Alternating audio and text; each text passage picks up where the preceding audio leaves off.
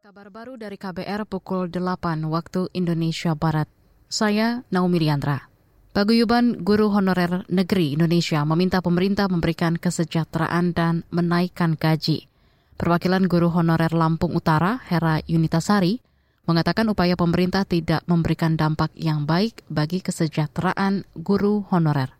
GHN 10 plus di Indonesia. Tolong diselesaikan dan tolong lihat terjun langsung bagaimana perjuangan kami guru yang puluhan tahun ini mengabdi terjun langsung khususnya di daerah-daerah terpencil dengan gaji 300 ribu. Tolong diselesaikan untuk GHN 10 plus. Dan saya meminta Komisi 10 tolong beri perlindungan untuk semua guru honor. Perwakilan Guru Honorer Lampung Utara, Hera Yunitasari saat rapat dengan Komisi 10 DPR kemarin, mengatakan di berbagai daerah diskriminasi terhadap guru honorer kerap terjadi. Ia berharap pemerintah dapat segera menyelesaikan masalah guru honorer ini.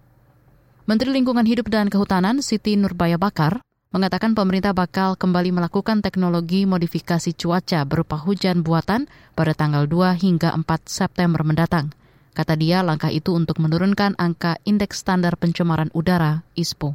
Harusnya sih tiap hari, harusnya sih ya sampai. Uh, iya, idealnya tiap hari.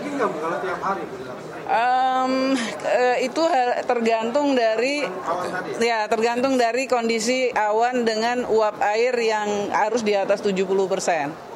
Jadi kalau masih tipis nggak akan turun hujan. Sebelumnya Menteri Lingkungan Hidup dan Kehutanan LHK Siti Nurbaya Bakar mengatakan teknologi modifikasi cuaca TMC Mikro juga cukup efektif mengurangi tingkat polusi udara.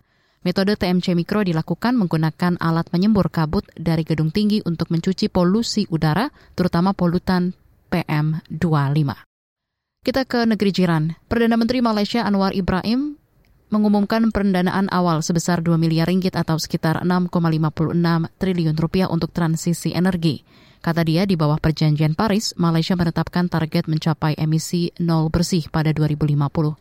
Anwar mengatakan tantangan terpenting adalah dalam melakukan transisi energi kebutuhan finansial dengan estimasi mencapai hingga 1,5 triliun ringgit Malaysia atau setara 4,9 kuadriliun rupiah hingga 2050.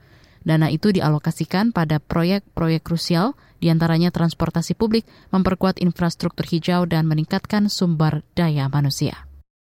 Demikian kabar baru dari KBR, saya Naomi Liandra.